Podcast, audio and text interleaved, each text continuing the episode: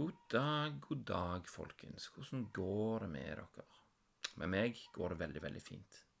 Og noen ganger så oppdager jeg ting som forsterker den følelsen av hvor godt jeg har det. Og nå skal dere få høre om en sånn ting som det.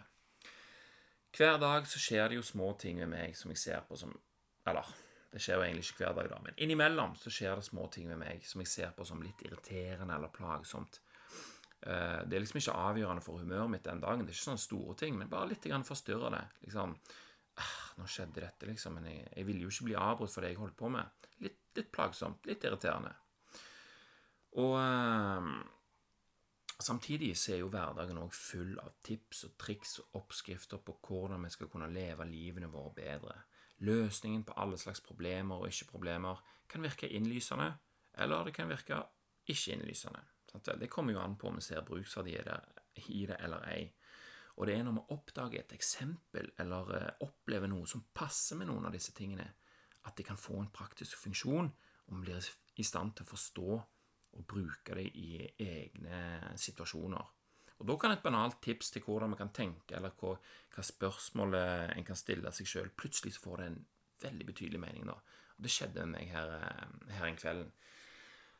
Meg og Barbro vi satt inne i stua og så på en dokumentar, og plutselig så hørte vi dunk, dunk, dunk. Hørte vi skritt fra andre etasjen. Rett på pause på TV-en. Holdt pusten. Det er jo sånn småbarnsforeldre ofte gjør. Og hørte liksom Lista meg ut på gangen og lytta opp trappa etter tegn på hvordan dette her kom til å utarte seg. Først så tenkte jeg at eh, ah, jeg håper ikke dette her er slutten på kvelden, at det, det er noe sykdom eller mareritt på, på gang nå. Men så kom jeg på det spørsmålet som jeg leste i Tribe of Mentors dagen før. Hva ville den 80 år gamle meg betalt for å gjenoppleve akkurat dette øyeblikket? Å stå på gangen og lytte til at en liten kropp finner tilbake til senga si, trygt og godt, uten en bekymring i livet. Og da kjente jeg at jeg ble så sinnssykt glad, altså jeg ble stående og smile der i trappa, og ved å stille meg dette spørsmålet så ble jeg mye mer bevisst situasjonen. Jeg fikk med meg flere detaljer og nyanser av opplevelsen. Følelsen jeg hadde, lydene jeg tolka, lykken over selve øyeblikket. Altså Det føltes som om jeg kom til å huske dette her når jeg var gammel. Og når jeg tenker over det, så er det jo de mest vanlige tingene vi pleier å savne når tilstanden har forandret seg. Før jeg vet ordet av det, så er det slutt på å lytte etter lyder og hjelpe småunger med å drikke om natta. Altså, De klarer seg snart nok sjøl. Kommer jeg da til å savne de små tingene som jeg alltid med, som jeg av og til så, som, så på som litt plagsomme fordi det forstørrer meg med det jeg holdt på med? Det tror jeg. Men da er det for seint å nyte de. Nyter jeg de nå, derimot, så vil det bli lettere å huske de når tilstanden er forandra, og når jeg er gammel. Sånn sett så kan jeg si at det gir den gamle meg et minne som er lettere å ta fram når det blir mer verdt for meg. Det er en ganske kul tanke. Som sagt så er jo ikke hverdagen fattig på tips og knep på alle slags problemer og ikke-problemer som kan løses veldig enkelt. Men vi kan ikke få bruk for alt. Men noen ting setter seg, akkurat som denne her, dette spørsmålet her. Men, eh, eller som med mat og trening og alle mulige andre slags potensielle ting du gjør, eller vaner du vil ha, så er det ikke alt som passer for alle. Sant? Ting må tilpasses hvordan vi lever livene våre. Og denne her, den endte opp med å være en ting som jeg tenkte mye på, fordi han passa til meg. Fordi jeg tilfeldigvis klarte å tenke det spørsmålet når jeg opplevde en hverdagslig ting som har skjedd hundrevis av ganger før. Opplevelsen er jo i utgangspunktet utvanna for meg, men ved å se for meg meg sjøl som gammel mann som kanskje er ensom og så lever et liv som er fjernt fra å oppdra små unger, så fikk opplevelsen altså en helt annen mening. Jeg fikk en god opplevelse av å se for meg at jeg en gang i framtida kom til å se tilbake på dette her og savne det. Og det er ganske kult. For når jeg først leste dette spørsmålet, så tenkte jeg ikke mer over det. At, ja, det var liksom en spennende tanke. Men det var først når jeg tenkte tanken i denne her settingen, at, jeg, at han, han traff på en måte. Eh, og det var da jeg så et mye, mye større potensial i et enkelt spørsmål her. Jeg vet jo ikke hvor mye jeg ville betale for å gjenoppleve et sånt øyeblikk når jeg er 80. For hvem vet hvordan ting er da? sant? Det kan jo hende at, eh, at jeg hadde litt usannsynlig, men det kan jo hende at jeg har det 100 ganger bedre enn jeg har det nå. Men det kan jo òg hende at jeg sitter et sted og er ensom og har veldig lite å gjøre. sant? Det er jo det som er tilfellet for mange eldre. Ungene mine har kanskje egne familier og er rundt omkring og gjør massevis av greier sjøl. Og mange av vennene mine er kanskje døde og alt mulig slags, og resten er demente. sant? Kanskje jeg er det sjøl òg.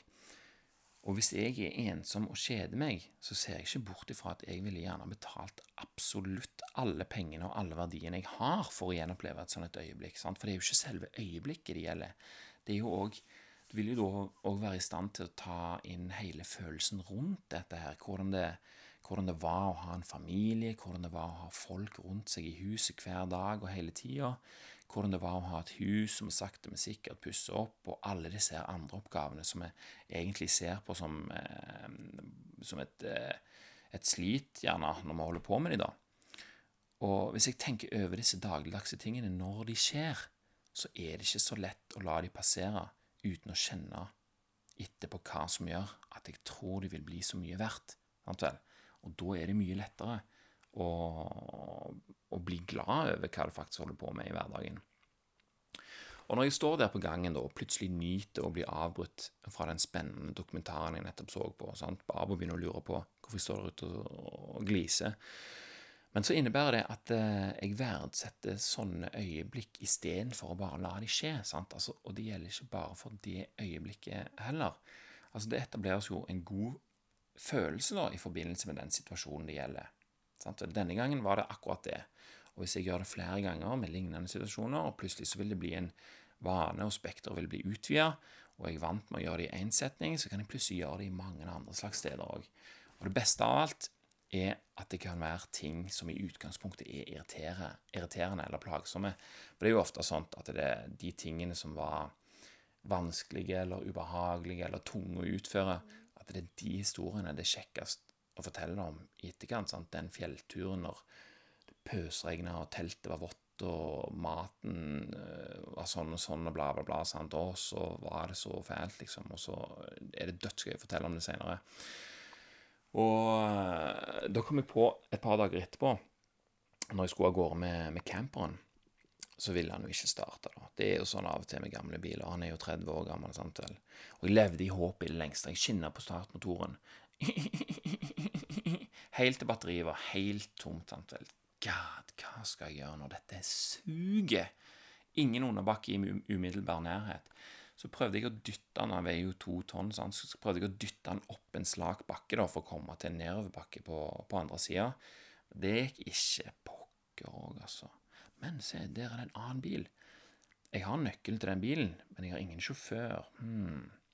Sånn, så fant jeg et tau, Kjørte den andre bilen i posisjon, festa et tau fra tilhengerfestet til fronten på min bil, kjørte litt fram, hoppet ut av første bilen, inn i min bil, justerte litt på rattet, kjørte litt fram, ut, justere litt på rattet, fram i bilen igjen, kjørte litt fram, ut, justere på rattet, fram og tilbake, fram og tilbake.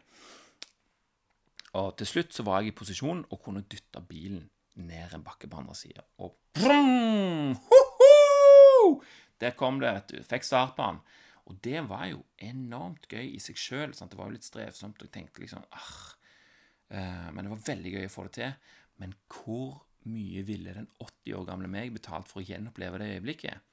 Og så så jeg for meg Det er ikke sikkert han vil gjenoppleve det øyeblikket, men med å tenke på dette så økte jeg jo sjansen for at jeg vil huske det når jeg blir gammel. Og da så jeg for meg at jeg satt på et gamlehjem og fortalte denne her historien til de andre gamlingene, som òg delte sine bilhistorier fra den tiden der alle førte sine egne biler. sant? Så fjernt det kommer til å være da. Det er best å nyte alt dette her som best jeg kan nå. For ikke snakke om å skrive ned for å øke sjansen enda mer for at et minne fra det daglige investeres i glede for en gammel mann. Det var det, folkens. Takk for at dere hørte på. Takk for meg, og takk for nå. Vi snakkes neste gang.